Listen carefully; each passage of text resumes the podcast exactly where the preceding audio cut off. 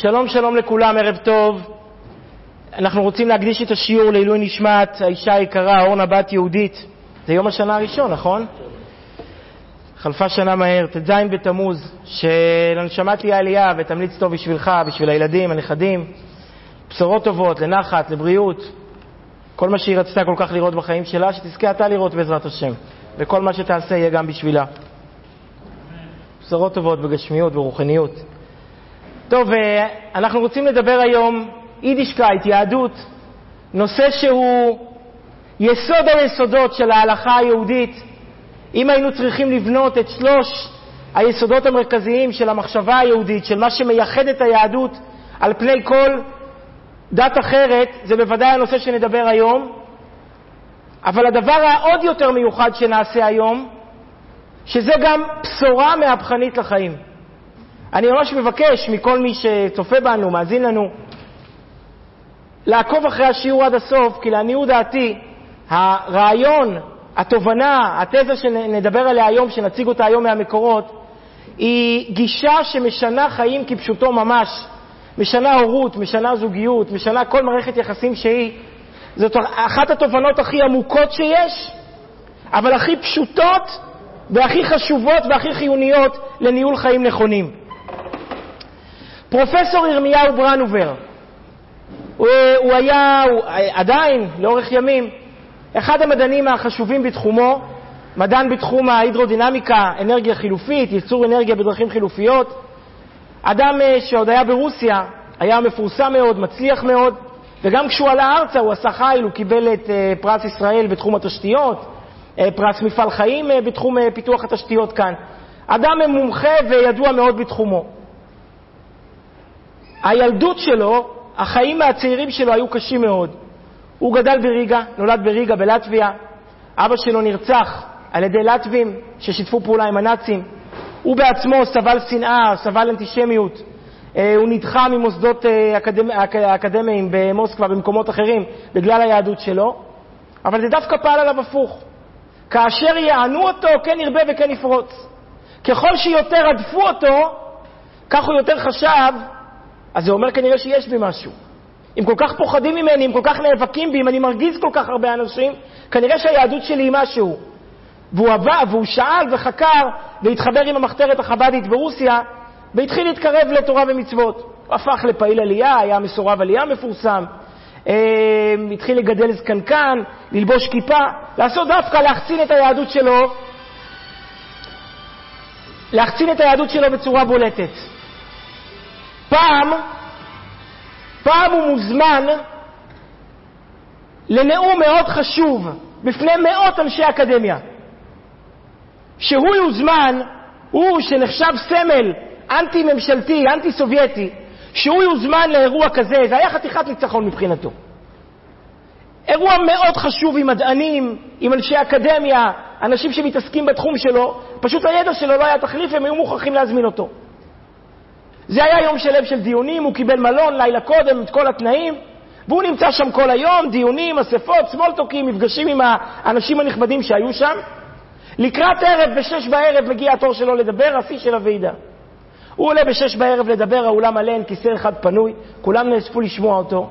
הוא מתחיל לדבר, להציג את התיאוריה שלו, ואז הוא פתאום נזכר שהוא לא הניח תפילין היום. השמש שוקעת לו מול העיניים והוא לא הניח תפילין. ממש תקופה קודם הוא קיבל על עצמו להתחיל להניח תפילין כחלק מההתחזקות.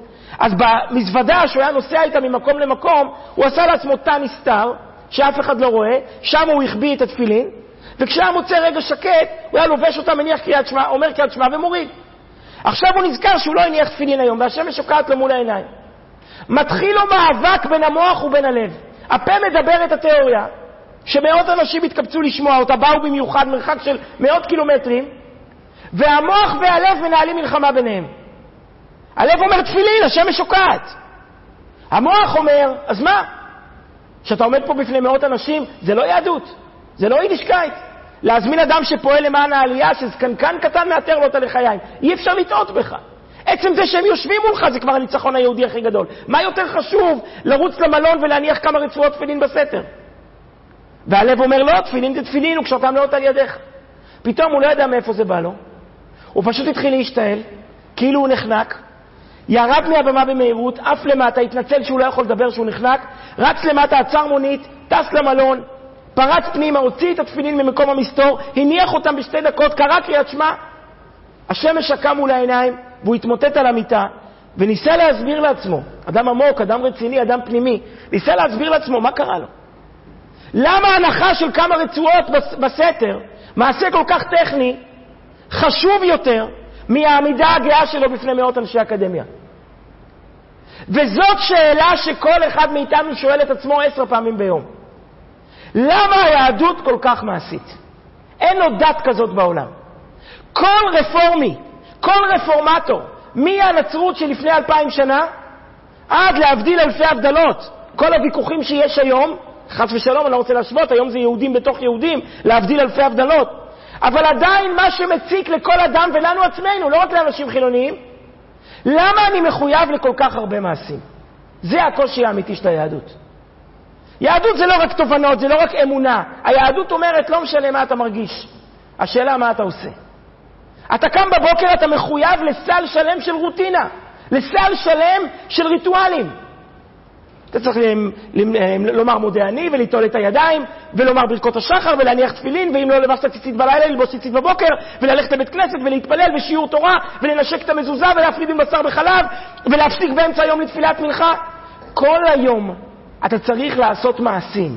כל היום אתה צריך להתעסק עם ריטואלים, עם טקסים, עם, אה, עם, עם, עם אה, רוטינות של מעשים שחוזרים על עצמם כל היום. והשאלה שמפריעה לכל אחד, לי זה מפריע. למה פתאום אני צריך להרים את הציצית בקריאת שמע? למה פתאום אני צריך לעשות ככה? למה אני צריך לעשות ככה? די, אני אוהב את הקדוש ברוך הוא. אני מאמין בו בכל ליבי. אני מוכן ללכת על האמונה שלי עד מסירות נפש. מה עוד צריך? הקושי הזה לעשות כל כך הרבה מעשים, לעגן את האמונה בסל של התחייבויות מעשיות, זה מפריע להרבה מאוד אנשים. אגב, אנחנו מכירים את זה מבית הכנסת. פתאום נכנס בחור חדש, אתה לא מכיר. בחור מואר, גילה את היהדות, הוא משתתף בסמינרים, העיניים שלו בורקות, הוא יושב איתך, הוא רוקד, הוא שר, שיעורים, אין, העיניים שלו מוארות. אחרי שבועיים נעלם. כמו שבא, ככה הלך. אתה פוגש אותו, שואל אותו, מוישה, לאן נעלמת? מה הוא אומר? הוא אומר את האמת. אם הוא ידע לבטא את הרגשות שלו, זה מה שכולם מרגישים. עזוב, משעמם את היהדות. מרחוק זה היה נראה כל כך מואר, כל כך מעניין, כל כך מהפכני, כל כך מלא, כל כך עשיר. בסוף מה אתה מגלה? שמהי היהדות? היהדות היא הלכה. מה שאנחנו עושים 99% מהזמן, השיעור זה שעה בשבוע, זה שעתיים בשבוע. אבל מה שיהודי עושה 99% מהזמן זה ריטואלים, זה רוטינות, זה מעשים שחוזרים על עצמם כל יום. אותה שחרית, אותה מנחה, אותה ערבית, אותה, אותו תפילין, אותו טלית. ואנחנו שואלים למה מתעסקים בקטנות.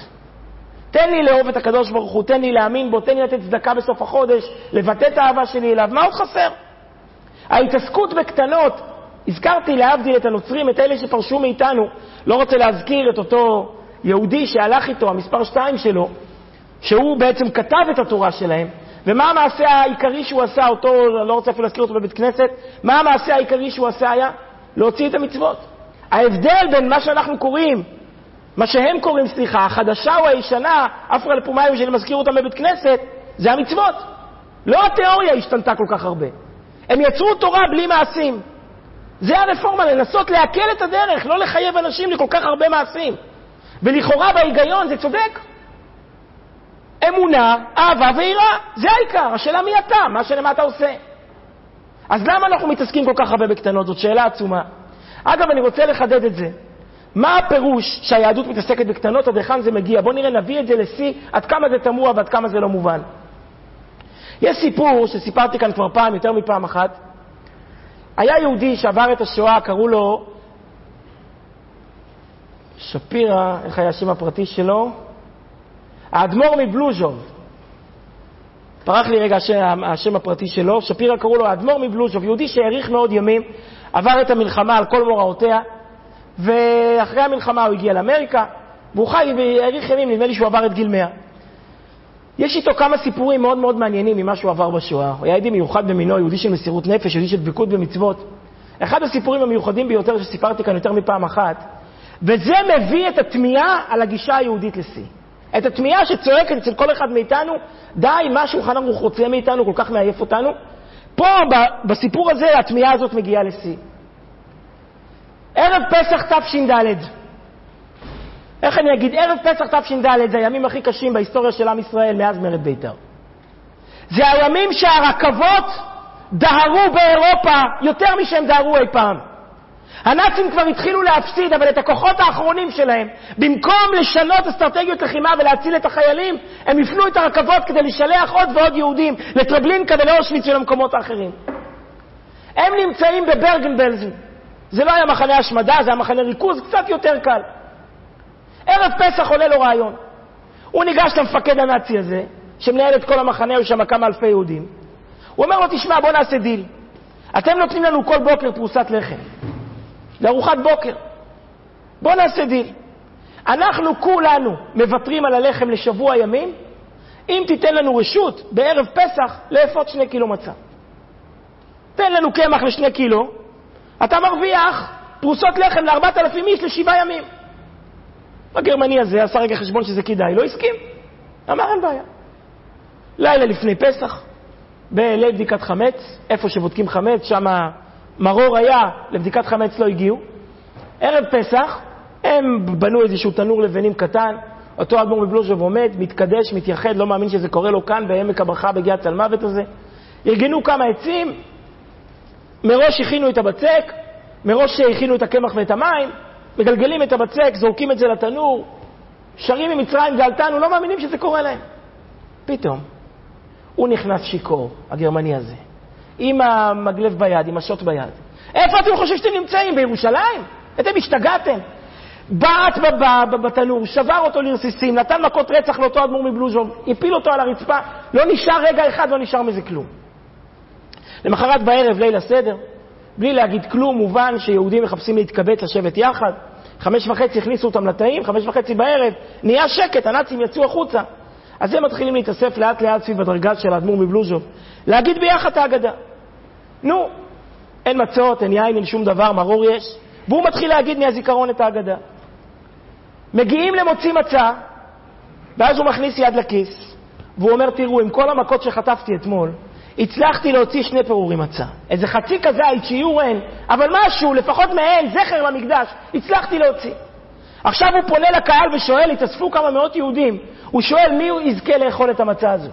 אמנם אין שיעור, אבל בכל זאת, מי יזכה לברך את הברכה הראשונה? טוב, אינני יודע אם צריך לברך על שיעור כזה, אבל על כל פנים מי יזכה לאכול? כולם אמרו, רבי, אתה תאכל. אתה עשית את כל, אתה מסרת את הנפש, אתה חטפת את המכות, אתה צריך לאכול. קמה אישה, קראו לה קושצקי. היא אומרת לו, אישה שכבר בעלה כבר הלך במלחמה, נשארה לבד עם ילד בן שמונה. היא אומרת לו, רבי, יש מישהו יותר חשוב ממך כאן. הבן שלי בן שמונה. כי המצווה של הלילה הזה היא והגדת לבנך. שעוד חמישים שנה יהיה ילד יהודי שיעביר לילד שלו את עבדים היינו לפרעה במצרים. אז הוא יותר חשוב ממך בלילה הזה.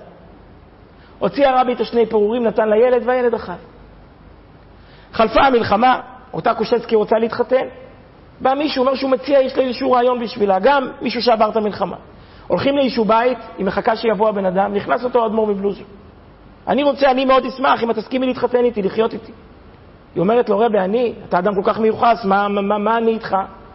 אז הוא אומר לה, תשמעי, אישה שבערב פסח תש"ד בברגן בלזן אומרת שהילד קודם לי, כדי שעוד חמישים שנה יהיה מי שיאמר עבדים היינו, עם אישה כזאת אני רוצה לקבע את החיים שלי. עם אמונה כזאת, עם ביטחון כזה, איתה אני רוצה לקבע את החיים שלי. זה הסיפור. עכשיו בואו נקרא את הסיפור הזה בעיניים הלכתיות. מי קיים את מצוות מצה? נניח שהיה שם כזית.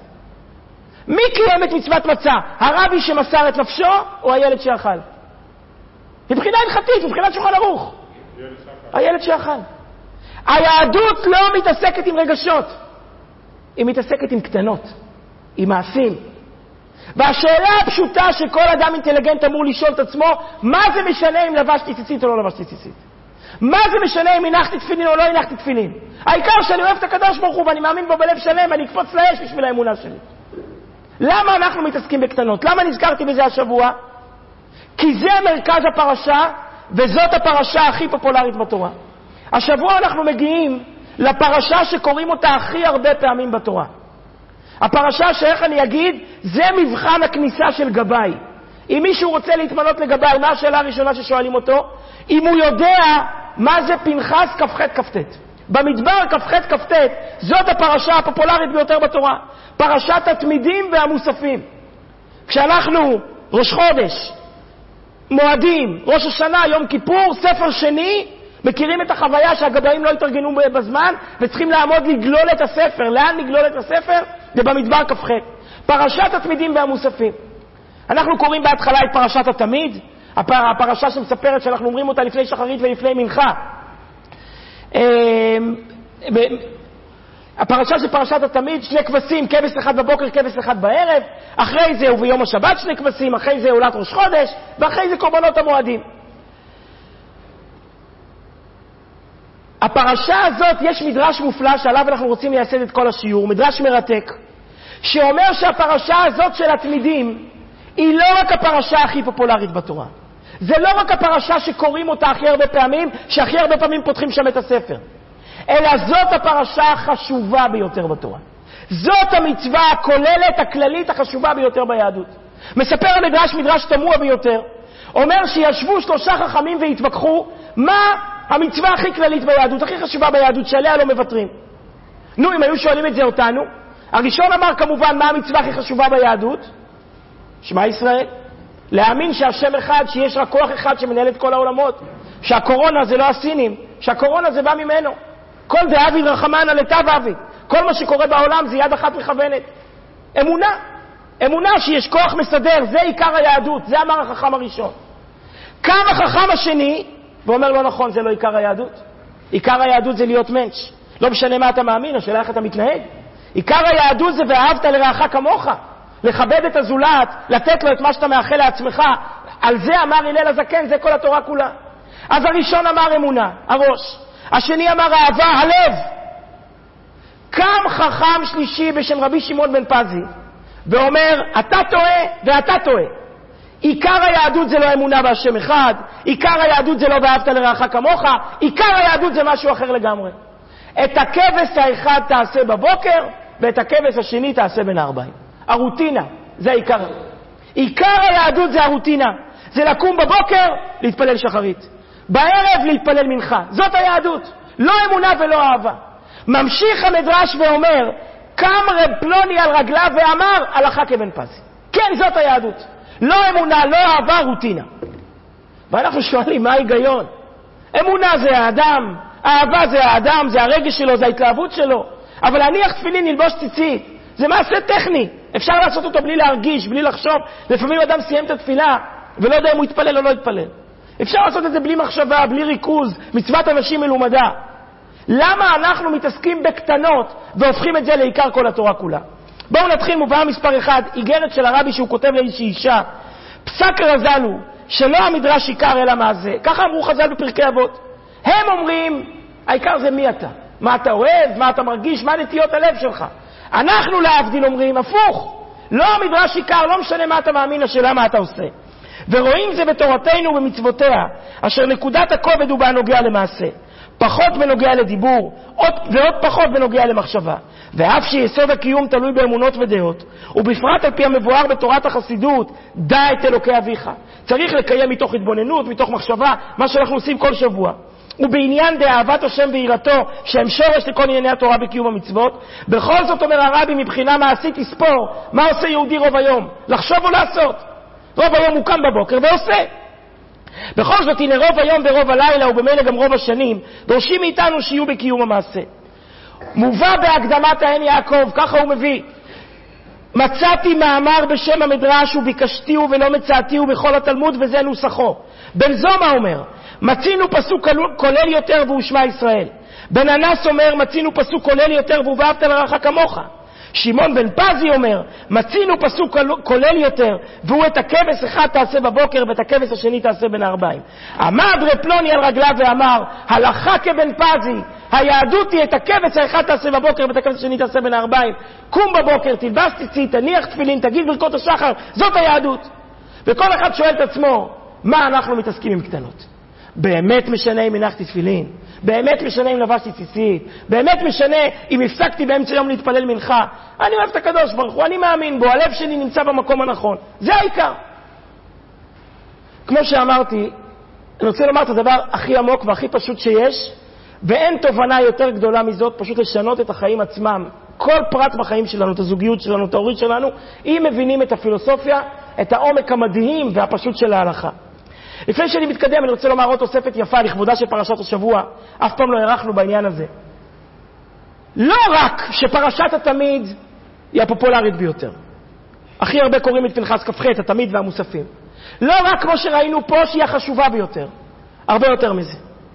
יסוד הנצח שלנו. מה ששמר על עם ישראל, על ירושלים, על בית המקדש, זה הקרבת התמידים. אנחנו עומדים בערב 17 בתמוז. כל זמן שהקריבו תמידים, ירושלים עמדה. ברגע שהפסיקו להקריב תמידים, ירושלים חרבה. בואו נגיד רעיון נפלא, כמו שאמרתי, אף פעם לא, לא, לא דיברנו עליו, רק, רק השנה הרחבתי בעניין הזה.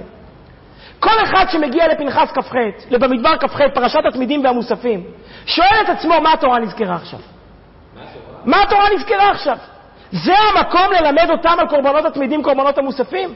הם הרי אוחזים בסוף ה-40 שנה במדבר, רגע לפני הכניסה לארץ. עכשיו זה הזמן ללמד הלכות קורבנות? הם הרי 40 שנה מקריבים את הקורבנות האלה. מה הם עשו כל יום במשכן? התחילו את היום, הקריבו תמיד. סיימו את היום, הקריבו תמיד. יום כיפור, פסח, ימים שכל עם ישראל מקריב שהכוהנים לא נושמים. אבל רוטינה, היום התחיל עם תמיד, נגמר עם תמיד. עכשיו זה הזמן ללמד את זה? הם כבר עושים את זה 39 שנים מהיום שהקימו את המשכן. רגע לפני שנכנסים לארץ, רגע לפני שמשה רבינו הולך מן העולם, אנחנו שתי פרשיות לפני סוף התורה, לפני מטות נושאי, לפני משנה תורה, פתאום התורה נזכרה ללמד את הדין הכי טריוויאלי, שכשקמים בבוקר מקריבים תמיד, מסיימים את היום תמיד, וכל קורבנות המוספים. אז מה הם עשו 40 שנה במדבר? תמוה ביותר, מה התורה נזכרת עכשיו ללמד את קורבנות התמיד? איפה הייתה צריכה ללמד את זה? איפה שלימדה את כל הקורבנות. איפה לימדה את כל הקורבנות? פרשת ויקרא. מיד אחרי שהקימו את המשכן בספר שמות, מיד פרשת ויקרא מתחילה עם דיני הקורבנות. לא, שם מלמדים אותנו רק על הקורבנות של החטאת והעולה והשלמים, הקורבנות יחיד. קורבנות ציבור, אלה שמקריבים באופן קבוע, התורה מחכה עם זה עד רגע לפני הכניסה לארץ. מה הולך פה? אז יש שני רעיונות יפים. הרעיון הראשון, רעיון מרגש ביותר, שכתוב ברש"י. אתה עשית קודם אה, אזכרה לאישה, שלא נדע, רעיון מרגש ביותר שכתוב ברש"י. הוא אומר, מביא ממדרש ספרי, הוא אומר, זאת התגובה לבקשה האחרונה של משה רבינו. מה היה לפני זה בפרשת פנחס? בואו נזכר. התחילה התורה לשבח את פנחס, אחר כך הולכים לחלק, מתחילה חלוקת הארץ, ואז מגיעה הבקשה האחרונה של משה רבינו. משה רבינו יודע שאם כבר מחלקים את הארץ, זה אומר שזהו, שהוא מתקרב לסוף ימיו. כי הקדוש ברוך הוא כבר אמר לו בפרשת חוקת, יען לא האמנתם בי להקדישני, לכן לא תביאו את הקהל אל הארץ הזאת. עומד משה לפני הקדוש ברוך הוא בפעם הראשונה ומדבר על היום שאחרי. הפעם היחידה בתורה שהוא מתייחס ליום שאחרי. הוא אומר לקדוש ברוך הוא, יפקוד השם אלוקי הרוחות, איש על העדה, אשר יצא לפניהם, אשר יבוא לפניהם. אם כבר מחלקים את הארץ, ואם הוא יודע שזה הסוף שלו, אז בצעד מנהיגותי הוא חושב מה יהיה אחר כך. אז הוא אומר לקדוש ברוך הוא, אנא, העם הזה צריך מנהיג, צריך מישהו שילכד אותו, מישהו שיאחד אותו. אגב, יש וורט חריף מאוד של האדמו"ר מקוצק. לא יודע אם לחסיד מותר לחזור אותו, אבל אם האדמו"ר מקוצק אמר, אז בוודאי שלי מותר להגיד. הוא אמר, מה פתאום משה רבינו פה נזכר לבקש יורש? הוא הרי עוד התחנן שהקדוש ברוך הוא ירחם עליו, אז מה הוא פתאום מבקש כאן יורש? אז הוא אומר שמשה רבינו ראה כמה שבחים פנחס מקבל. נכנס לו פחד שפנחס יהיה היורש שלו. אומר משה רבינו לקדוש ברוך הוא, פנחס טוב להיות קנאי, לא להיות רבה. רבה צריך להיות מישהו אחר. יפקוד השם אלוקי הרוחות, אדם שיודע להלוך נגד רוחו של כל אחד, אשר יצא לפניהם ואשר יבוא לפניהם. יש מי שצריך להכות. בכל חברה צריכים את התליין, צריכים את האדם שיכתוב פשקווילים, את האדם שיהיה קנאי. בוודאי שבכל חברה צריכים אחד כזה. אבל זה לא התפקיד של משה רבינו. הוא צריך להיות מישהו אחר, משה רבינו צריך להיות אדם, כמו שדיברנו לפני שבועיים, של נעליך מעל רגליך. אדם שנוהג במידת החסד ובמידת הרחמים. לכן אחרי פנחס, משה רבינו נזעק לבקש יורש אחר. לא יורש כזה, אלא כמו יהושע בן נון, אשר יצא לפניהם. אגב, לא מזמן בפרשת במדבר הזכרנו עוד פירוש כל כך יפה ומרגש. למה משה רבינו פה מבקש יורש? כי אחרי בנות צלופחד הוא בא לבקש את היורשים שלו. אחרי שהוא ראה כמה הקדוש ברוך הוא מקפיד על דיני ירושה, שאפילו בנות צלופחד יורשות, אז הוא מתכוון לרמוז לקדוש ברוך הוא, אולי גם הבנים שלי ירשו. אחרי בנות צלופחד הוא בא לרמוז, אז אולי הילד שלי יירש אותי. והקדוש ברוך הוא מסרב, על זה דיברנו בפרשת במדבר. על כל פנים, משה רבינו מבקש מהקדוש ברוך הוא שימנה לו יורש. על זה באה פרשת התמיד. אומר רש"י רעיון מרגש ביותר, מביא את זה ממדרש ספרי. הוא אומר, הקדוש ברוך הוא אומר למשה, אתה דואג, שאתה נותן לי הוראות לדאוג להם? יותר חשוב, אומר הקדוש ברוך הוא, שתיתן להם הוראות לדאוג לי, שהם לא ישכחו אותי. משל למה אומר רש"י? לבת מלך שהולכת למות. האישה הולכת למות, קוראת לבעלה, אומרת לו, אל תזניח את הילדים. אני גידלתי אותם, אני חינכתי אותם. אתה לא יודע איפה הסתובבת, הראש שלך טייל בשמיים. אבל עכשיו, היא אומרת, היא הולכת מהעולם, מבקשת מהאבא, שלא ישכח את הילדים. מה עונה לאבא? אומר רש"י. מה עונה לה הקדוש ברוך הוא? אומר לאבא, אל תתני לי הוראות, תתני להם הוראות. תגידי להם שלא ישכחו אותי, תקראי להם אל המיטה, שהם ישמרו איתי את הקשר, שהם לא יזניחו אותי. אומר רש"י אותו דבר כאן, בא הקדוש ברוך הוא, בא משה רבינו ואומר לקדוש ברוך הוא, ריבונו של עולם, תדאג להם. אומר הקדוש ברוך הוא, אני צריך לדאוג להם. תקרא להם שהם ידאגו לי. איך הם ידאגו לי? שלא יזנחו אותי, שלא ישכחו ממני, שלא יעשו אלוהים אחרים. איך הם ידאגו לי? את הכבש האחד תעשה בבוקר, את הכבש השני תעשה בין הארבעים. אם הם יתחייבו להמשיך עם קורבן התמידים, עם קורבן המוספים, אם יתחייבו להמשיך בוקר וערב, לבוא ולהתפלל, זה יהיה הביטחון שהם לא ישכחו אותי עוד אף פעם. זאת אומרת שקורבן התמיד הוא לא רק החשוב ביותר, לא רק הדומיננטי ביותר, הוא סוד הנצח של עם ישראל.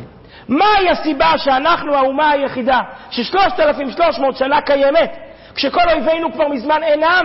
אומר רש"י, זה קורבן התמיד. כי לנו יש את היסוד הזה, של את הכבש האחד תעשה בבוקר, את הכבש, הרוטינה. זה מה ששומר עלינו בכל הדורות. ואנחנו רוצים להבין מה מונח כאן, מה סודה של הרוטינה, למה דווקא היא, סוד הנצח, היא שומרת את הקשר של האבא עם הילדים, של האמא עם הילדים, של הילדים עם הקדוש ברוך הוא. עד היכן הדברים מגיעים? אנחנו עומדים בערב 17 בתמוז. ידועים דברי חז"ל, שב-17 בתמוז אירעו חמישה אירועים לאבותינו, חמיש, חמש אסונות לאורך הדורות אירעו לאבותינו. הדבר הראשון, השתברו הלוחות, ואחר כך אומרת, אומרת המשנה בתענית עוד שני אירועים ברצף. בטל התמיד והובקעה העיר. ב-17 בתמוז הפסיקו להקריב קורבן תמיד, ובאותו יום הובקעה העיר. זאת אומרת שקורבן התמיד הוא סוד הנצח, הוא סוד ההגנה האלוקית, הוא הסוד שהקדוש ברוך הוא נשאר איתנו ושומר עלינו. ברגע שפסק התמיד, באותו יום הובקעה העיר. מה הסיפור? הסיפור ידוע, נקרא אותו בקצרה. הם הרומאים צרים על ירושלים ולא מצליחים להיכנס. יש דעה אם זה הרומאים או תקופה, בדיוק מתי זה היה, נניח שזה היה בסוף ימי הבית השני, לא מצליחים להיכנס. המפקד הרומאי שובר את הראש, שלוש שנים מצור סביב ירושלים. איך הם מתקיימים שם? מה הם אוכלים? מה הם שותים? פגשו אותו כמה קוטים למטה, רואים אותו מסתובב סהרורים מתחת לחומה. אומרים לו, אתה יודע מה הסוד שלהם? עדיין בית המקדש עובד. עם כל הצרות, שלוש שנים אין מה לאכול. הקנאים הסקריקים כבר שרפו את המחסנים עם האוכל, אבל בבית המקדש מקריבים קורבנות. שואל אותם איפה יש להם קורבנות. הם אומרים לו, מה אתה לא יודע? תבוא מחר בארבע בבוקר, תראה. הכוהנים בארבע בבוקר היו משלשלים קופה עם זהב, שתי קופות עם זהב, ומלמטה הכותים היו מעלים להם שני כבשים. והיו עושים את קורבן התמיד. אומר המפקד, ככה זה לא יהיה יותר.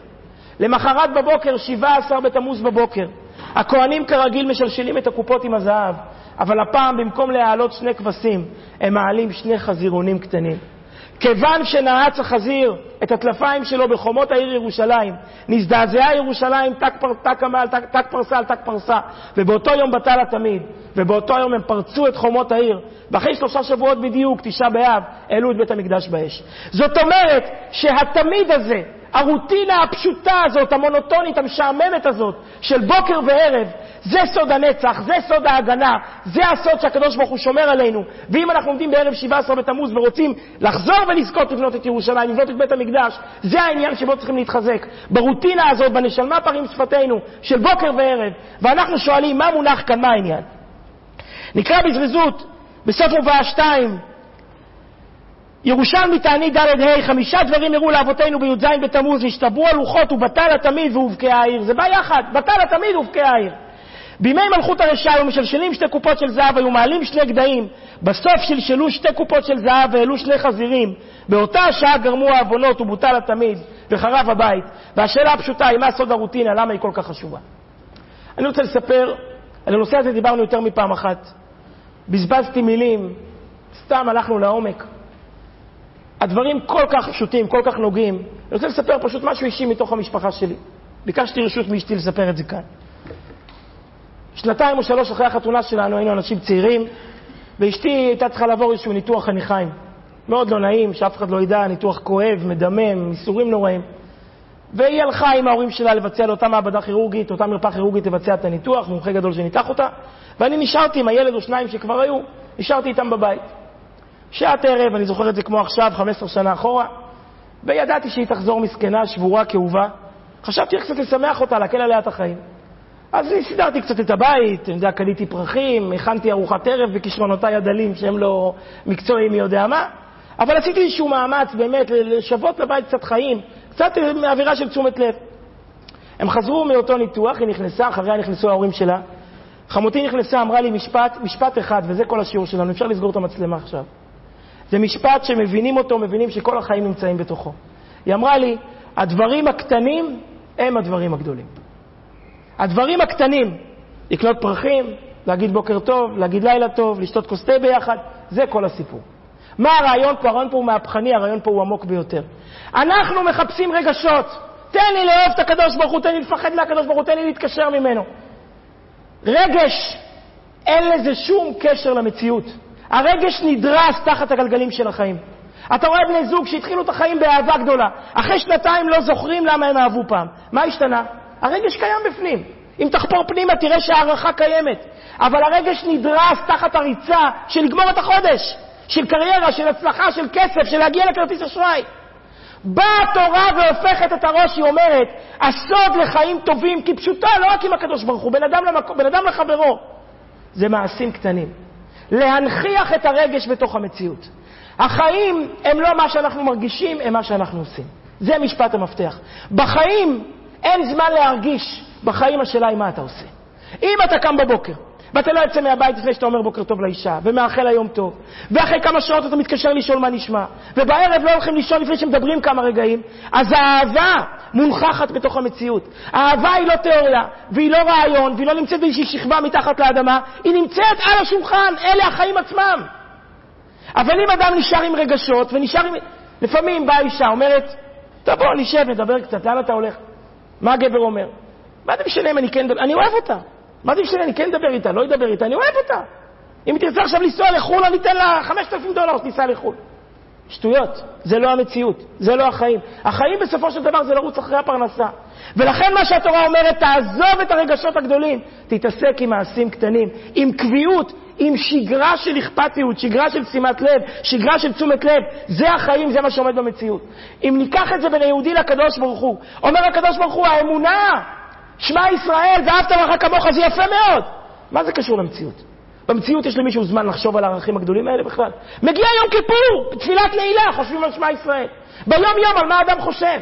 אדם רץ לפרנסה, רץ לעבודה, רץ לגמור את היום, עם זה הוא עסוק. מה הפתרון? קח סל של מעשים קטנים שאתה מכניס אותם בתוך המציאות. אם אדם קם בבוקר ואומר מודה אני, ונותן ידיים, ואומר ברכות השחר, ומניח תפילין, אז הקשר עם הקדוש ברוך הוא נמצא בתוך החיים שלו. אלה החיים, זה לא תיאוריה, זה לא רעיון, זאת המציאות, זאת השגרה שלו. הפטנט של ההלכה, הגאונות של ההלכה, זה להפוך ערכים גדולים לדרך חיים. להפוך תובנות גדולות, הרגשות גדולות, למשהו שקיים ונוכח וישנו. ולכן אומר הקדוש ברוך הוא למשה רבינו, אתה דואג להם, אתה נותן לי הוראות, תמנה להם מנהיגים. מנהיגים לא יעזרו. צריך שהבוקר והערב שלהם יהיה קשור איתי. שבבוקר הם יתפללו אליי, שבערב הם יתפללו אליי. זה סוד הנצח. הנצח נמצא. יש אדם, לא יודע כמה מתאים להזכיר אותו בבית כנסת, אבל בשביל ללמוד ממנו אולי מותר, אדם שנקרא דלי למה. הדלי למה הוא אחד האנשים הכי משפיעים בעולם, הוא מה, איך נקרא, הבודהיזם הטיבטי. הוא הוגלה, הוא היה במדינה, הוא היה שם בטיבט, והגלו אותו, הסינים. הוא נמצא היום בהודו. בשנת 90 הוא אסף קבוצה של רבנים מארצות הברית, הזמין אותם אליו, יש על זה איזשהו ספר, הזמין, הזמין אותם אליו ושאל אותם שאלה מאוד פשוטה. הוא אמר, תסבירו לי איך אתם שורדים אלפיים שנה. 1,900 שנה שרדתם בלי מדינה, בלי ממשלה, בלי חוקה, בלי שום דבר שארגן אתכם. הוא אומר, אני 50 שנה הוגליתי מטיבט, הוגליתי לדרמסלה, להודו. הצעירים לא באים. אני מנסה לקשר אותם סביב הערכים, זה נמוג. כי קודם היה לנו ממשל, היה לנו שלטון, היה משהו שריכז אותנו. עכשיו אנחנו מפוזרים ונידחים, אין שום דבר, הכל נאבד. אתם 1,900 שנה שרדתם ככה, איך? מה הסוד? ומה התשובה הפשוטה? יש כמובן תשובות עמוקות. הקדוש ברוך הוא הבטיח ושב השם אלוקיך. דיברנו שבוע שעבר על הנבואה של בלעם. אבל בפשט, בפשטות. כי היהדות היא לא אמונה, היא דרך חיים. היא משהו שאתה עושה בבוקר ועושה בערב. דבר שאדם עושה, הראש צועד על הרגליים, הצבא צועד על קיבתו, הראש צועד על הרגליים. הראש, האמונה צועדת על המעשים הקטנים, המעשים הפשוטים. אלה שעושים בוקר וערב, זאת המציאות האמיתית. זאת גאונות לבוא ולומר, אל תחפש דברים גדולים, תחפש דברים קטנים. כי אחרי המעשים נמשכים הלבבות. דווקא המעשים הקטנים, הם אלה שמביאים את הדברים לידי מציאות, מנכיחים אותה במציאות ונותנים להם משמעות. נקרא את הספר החינוך המופלא הזה במצוות ט"ז, דע כי האדם נפעל כפי פעולותיו. אנחנו מחפשים רגשות, התלהבויות, נאמנות. אומר הספר החינוך, שטויות. למי יש זמן לזה? לא נשאר מזה כלום בחיים. מי הוא האדם? שמעתי פעם משפט יפה שאומר, החיים הם מה שקורה לנו בזמן שאנחנו מתכננים תוכניות אחרות. החיים הם מה שקורה לנו בזמן שאנחנו מתכננים תוכניות אחרות. אתה כל הזמן הרגש מתכנן דברים במוח, אבל בסוף החיים זה מה? זה לחיות, זה לעבור עוד יום ועוד יום ועוד יום. באה היהדות ואומרת, קח את האמונות שלך, תכניס אותן לתוך החיים המציאותיים. לבוקר, לערב, לצהריים. אם אתה מפסיק באמצע יום לתפילת מנחה, אז הקדוש ברוך הוא בחיים שלך, והילדים שלך רואים את זה וימשיכו הלאה. אבל אם זה נשאר באיזשהו מקום, מאה מקומות מתחת לאדמה, אין לזה שום קשר למציאות, אין לזה שום קשר לחיים, זה סתם איזה תיאוריה שתלך ותתפוגג. אומר ספר החינוך מצוות ט"ז, דע כי האדם נפעל כפי פעולותיו, וליבו וכל מחשבותיו תמיד, אחר מעשיו שהוא עוסק בהם.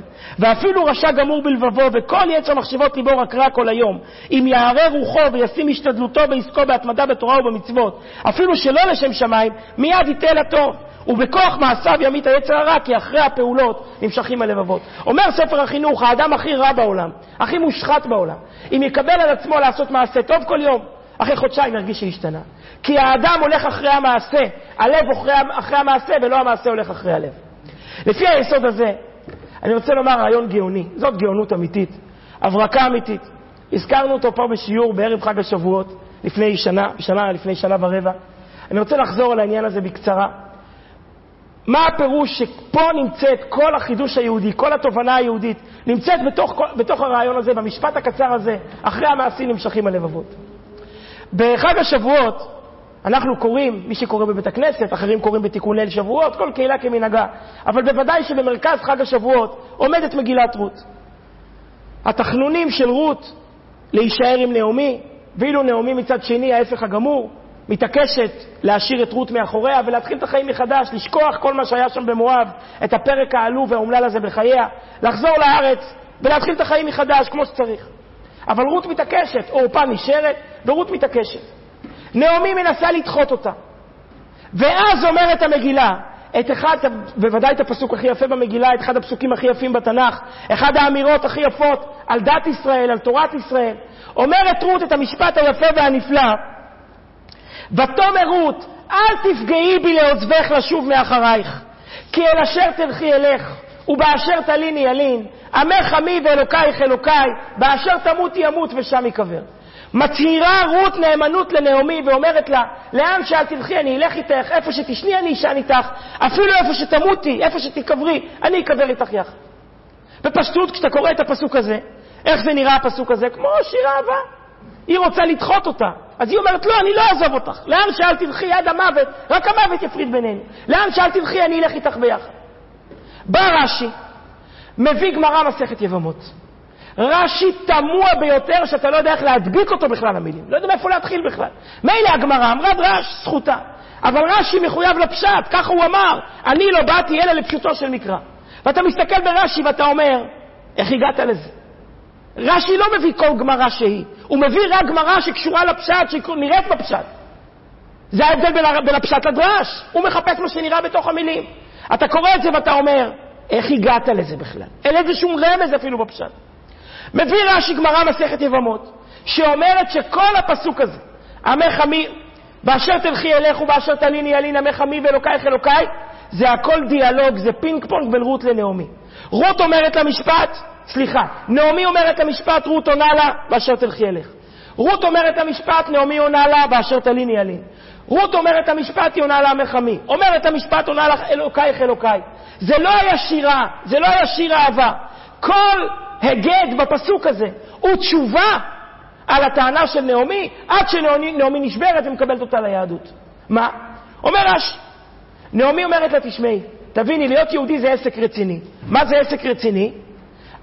אומרת לה נעמי, אומרת לה רות, לא נבהלת, באשר תלכי אלך. איפה שאת תלכי אני אלך, לא תלכי חוץ לתחום, גם אני לא אלך. אומרת לה נעמי, תביני, יש לנו עוד איסור מאוד חשוב. אסור לנו להתייחד עם זכר שאינו אישה. אומרת לרות, לא קרה שום דבר באשר תליני ילין. איפה שאת תשני אני אשן, איפה את לא תשני אני לא אשן. אומרת לרות, תביני, יש לנו 613 מצוות. עמך עמי, מה שאת לוקחת גם אני אקח. אומרת לה, תביני, אסור לנו לעבוד עבודה זרה. אלוקייך אלוקיי. אומרת לה, תביני, זה עסק רציני. מי שעובר על המצוות שלנו, יכול לחטוף ארבע מיטות בית דין, יכול לסכם את החיים שלו. באשר תמות ימות ושם ייקבר. וכמובן הרש"י הזה תמוה מכל כיוון אפשרי. איך שלא נסתכל עליו, מילה אחת, הרעיון הכללי, הבסיס הכללי, קשה אפילו להבין מאיפה להתחיל. רש"י קובע ששני האיסורים הראשונים שהחליטה נעמי ללמד את רות, אסור לנו לצאת מחוץ לתחום ואסור לנו ללון, לישון עם זכר שאינו אישה, איסור איחוד. אלו שני איסורים חשובים, אבל שניהם, לחלק גדול מהדעות, הם רק דה רבנן. אלו לא האיסורים שעליהם עומדת היהדות. לא על זה נאמר ייהרג ואל יעבור.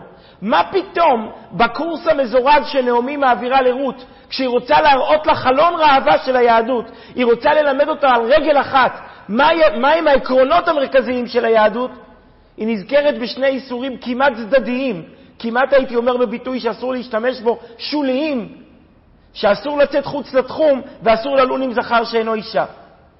איסור יציאה מחוץ לתחום לחלק גדול מהדעות בגמרא, איסור תחומים, זה רק דה רבנן.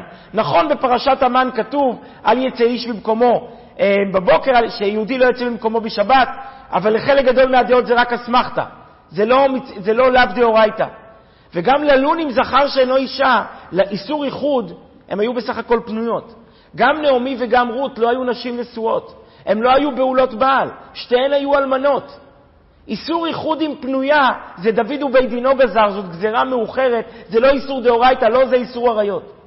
אז אם נעמי רוצה ללמד אותה את עקרונות היהדות, את החומרה של איסורי היהדות, מה פתאום היא בוחרת בשני איסורים כאלה? הייתה צריכה ללמד אותה איסור אשת איש. הייתה צריכה לומר לה, כשנהיה נשואות, אילו היינו נשואות, אילו מחלון וכיליון עוד היו בחיים, היה אסור לנו ללון עם זכר שאינו אישה. אבל מה פתאום בוחרת באיסור ייחוד עם פנויה או באיסור יציאה מחוץ לתחום? כאילו על זה עומדת התורה. איפה שבת? איפה יום כיפור? איפה בשר בחלב? איפה איסור לאכול דבר אחר? איפה האיסורים החמורים? שאלה שנייה, את קודם כל מלמדת אותה שני פרטים, אחרי זה עוברת ללמד אותה את הכלל שיש לנו 613 מצוות. מכלל ופרט מפרט וכלל. קודם כל מלמדים את הכלל. יש לנו 613 מצוות. לדוגמה, שני האיסורים האלה. אגב, הם לא חלק מהתרי"ג מצוות בכלל, אבל גם אילו הייתה מלמדת שני איסורים דאורייתא, קודם כל צריך להתחיל עם הכלל.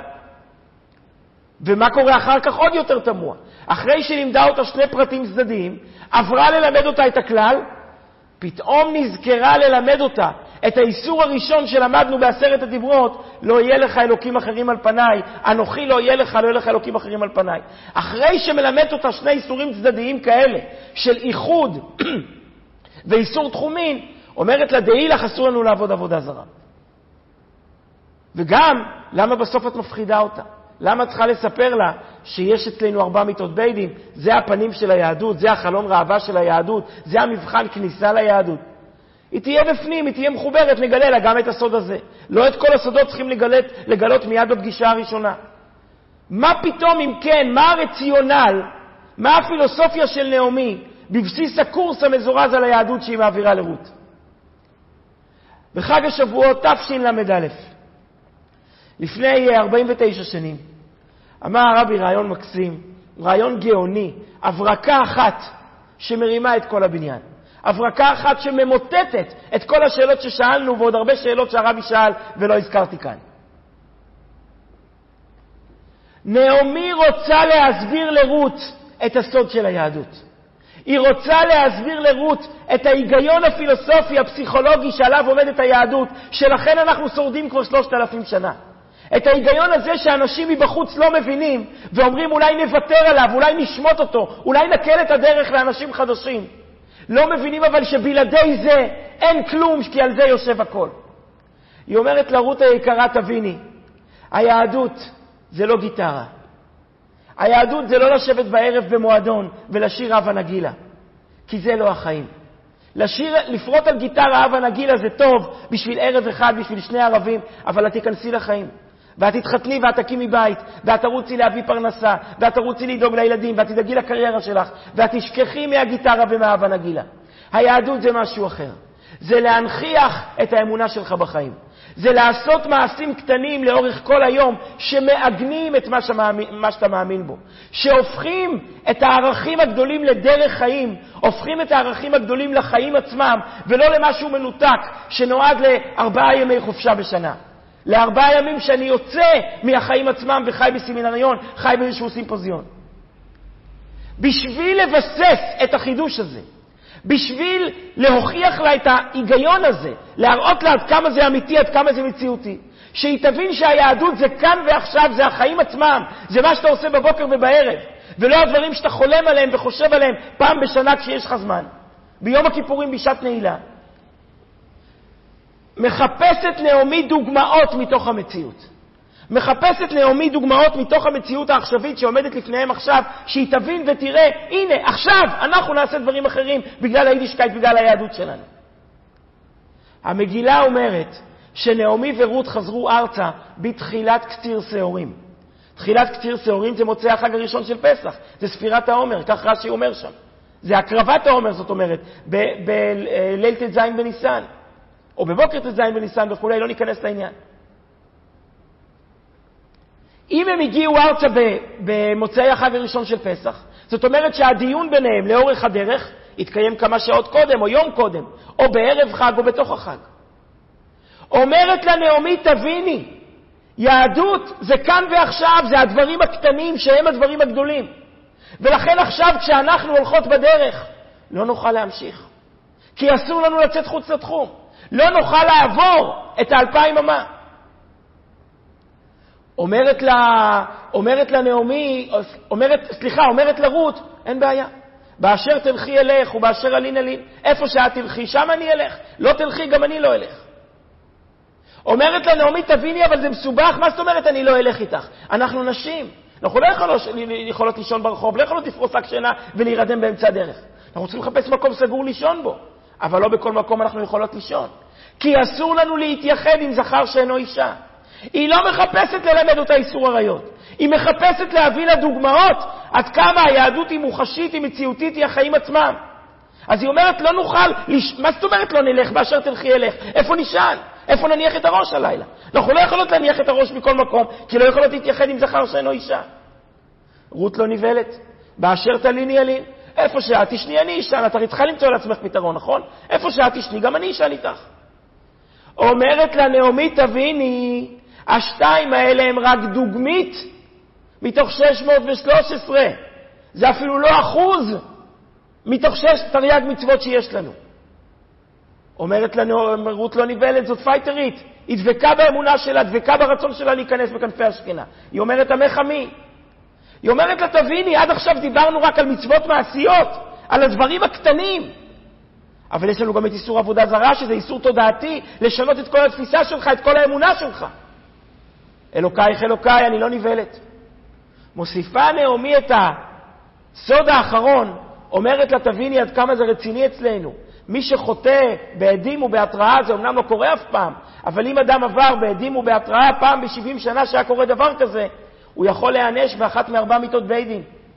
היא אומרת לה, באשר תמותי ימות ושם אקבר. אני לא נבהלת. וזה הרגע שרות נכנסת ליהדות. אם אתה מבין את הסוד שעליו עומדת היהדות ועליו עומדים החיים, שהחיים בסופו של דבר הם אוסף של רגעים קטנים, הם אוסף של שותפות קטנה, של אה, נאמנות קטנה, אוסף של להיות שם בשבילו ברגעים הקטנים של החיים, בבוקר ובערב ובצהריים שאתה עצבני ובערב שאתה חסר סבלנות. כמה זאת מהפכה. כל כך הרבה פעמים אנשים אומרים, אני אוהב אותה, אני אוהבת אותו. אז מה זה אומר שאני אוהב אותה ואני אוהבת אותו? שנצא בסוף השנה לחופש. אלו לא החיים. עד שמגיעים לחופש, כבר אתה מגלה שאיבדת את בן הזוג שלך, שהוא כאוב ומתוסכל ונקבר תחת ערימות של כאב ושל השפלה. החיים האמיתיים זה להיות שם כל יום בשבילו בדברים הקטנים, בבוקר טוב בבוקר, בטלפון בצהריים, בערב כשהוא מבקש את ההקשבה שלך, מבקש את ההסכמה שלך, זה אולי דברים קטנים, אבל אלו החיים. החיים הם אוסף של רגעים קטנים.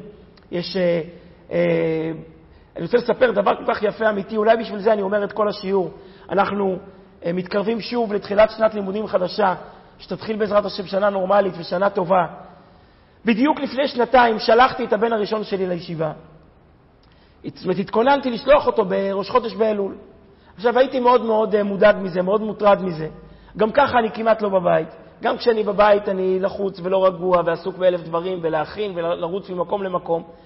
רק שבת יש לנו יום אחד שאנחנו בבית, שאנחנו פנויים אחד לשני. הייתי מאוד מוטרד, אמרתי לעצמי, בן שעוזב את הבית, בן זה לא בת. בן כשהוא הולך לישיבה, הוא כבר לא יחזור אליה, הוא, הוא לא יחזור הביתה בעצם לעולם. כי הוא הולך לישיבה, יחזור הביתה בשבת שלישית, שבת רביעית, נו, מה נשאר? כמה קשר נשאר?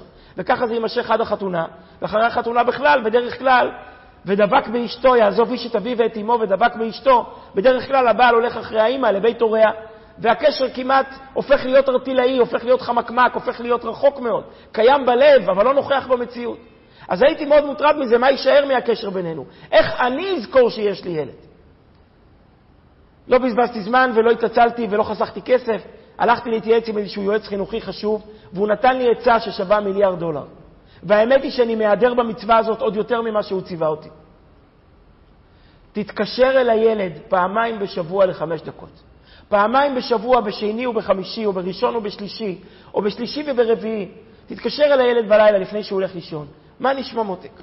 אתה צריך כסף, אתה רוצה שנביא לך משהו לאכול, יש לך כביסה, אתה רוצה שנחליף כביסה, אולי תקפוץ הביתה. פעמיים בשבוע, חמש דקות, תראה לו שהוא קיים, אבל לא תראה לו שהוא קיים, תזכיר לעצמך שהוא קיים. תכניס, תשלב את המציאות שלו בתוך החיים שלך. תשלב את המציאות שלך בתוך המארג של הקריירה ושל ההצלחה ושל העצמי שבנית לעצמך. זאת הגאונות שעליה עומדת החיים. דווקא הדברים הקטנים הם החיים האמיתיים, הם אלה שמנהלים את החיים עצמם. לא להיזכר בילד בחתונה שלו, לא להיזכר בילד חס ושלום כשמגלים שהוא שבור ומתוסכל ומגלה שאין לו עם מי לדבר. יום-יום או פעמיים לפחות שלוש בשבוע, להיות איתו בקשר ביוזמתך, להרים אליו טלפון, לשלב את המציאות שלו בתוך החיים שלך. אלה החיים, זה כל הרעיון. נקרא את הקטע הזה מהרבי. מה שנעמי רוצה להעביר לרות, להסביר לה, לא תיאוריות גדולות, לא ערכים גדולים. מה אתה משלב בתוך החיים שלך, זה מי שאתה, זה מי שהחיים שלך, זה האני מאמין שלך. אומר הרבי כשנא... באותו חג השבועות תשל"א, כשנעמי מסבירה לרות את פרטי התקרבותה לעם ישראל, היא מדגישה בפניה כי המעשה הוא העיקר. אין דת ישראל מיוסדת על קרבת הלב ורצון כנה להיכנס לעם ישראל, אלא על מחויבות מעשית. ולכן נעמי מדגישה את הביצוע המעשי של המצוות שחלות עליה ברגע זה, כמו איסור יציאה מחוץ לתחום, משום שהם הלכו ארצה בערב פסח או בתוך החג עצמו, וכן לאחר שיעצרו בדרכן ויהיה עליהן לחפש מקום לינה, אסור להן ללון עם זכר. ואחרי שרות מסכימה לזה, ממשיכה ומדגישה, כי כל זה רק חלק מתרי"ג מצוות, וכן אלו הם רק איסורים מעשיים, ובנוסף ישנם איסורים תודעתיים כמו איסור עבודה זרה. ומעל כל זה, החוטא מתחייב מיתה באופנים מסוימים, ועל הכל עונה רות עמך עמי ואלוקייך אלוקיי, וזה הרגע שרות מתקבלת ונכנסת תחת כנפי השכינה. אני רוצה לסיים בנקודה אחרונה, חשבתי מה אפשר לקחת משהו אחד מעשי כדי שלא נפספס את מטרת השיעור. אם נישאר בפתוס ונישאר ברעיונות הגדולים, אז איבדנו את כל ייחודיותו של השיעור הזה. כל הרעיון של השיעור הוא איפה אתה לוקח את זה לחיים, איפה אתה לוקח את זה למעשה, איפה אתה משלב את זה בתוך המרוץ המטורף של הרצון להצליח והרצון לשגשג. אז נקודה אחת מעשית שכל אחד יוכל לקחת אותה לעצמו לחיים. הקורבן שלנו, שעליו אנחנו מדברים, נקרא תמיד. שאל פעם הרבי, למה הוא נקרא תמיד? תמיד זה משהו שעושים אותו תמיד, כל הזמן, 24 שעות ברצף. לנשום, נושמים תמיד. שיוויתי השם לנגדי, תמיד. לצייר מולך את השכינה אתה צריך תמיד, ביום, בלילה, במחשבה, דיבור ומעשה. התחושה שלך צריכה להיות עין רואה ואוזן שומעת. טוב לב משתה, תמיד. להיות שמח, יהודי צריך להיות תמיד. זה קשור עם העניין הראשון. אם הוא מאמין שהקדוש ברוך הוא תמיד איתו, הוא תמיד שמח, הוא אף פעם לא מופקר ליד הגורל. אבל מה הפירוש קורבן תמיד? הקורבן לא מוקרב תמיד, הוא מוקרב פעם בבוקר ופעם בערב. אז היו צריכים לקרוא לו קורבן קבוע, קורבן יומי, קורבן שגרתי. לא יודע, תמצא שם. אבל לא תמיד, תמיד זה משהו שקיים תמיד. והרבי ענה רעיון כביר. ככל שהמעשים בכלל משפיעים על החיים, ככל שהמעשים הם אלו שמעצבים את האישיות, דווקא ההרגלים מייצבים את האישיות, יש מעשים מיוחדים שהתועלת שלהם כפולה ומכופלת. המעשה הראשון שעושים בבוקר והמעשה האחרון שעושים בערב הם מעשים של תמיד, ההשפעה שלהם קיימת לנצח.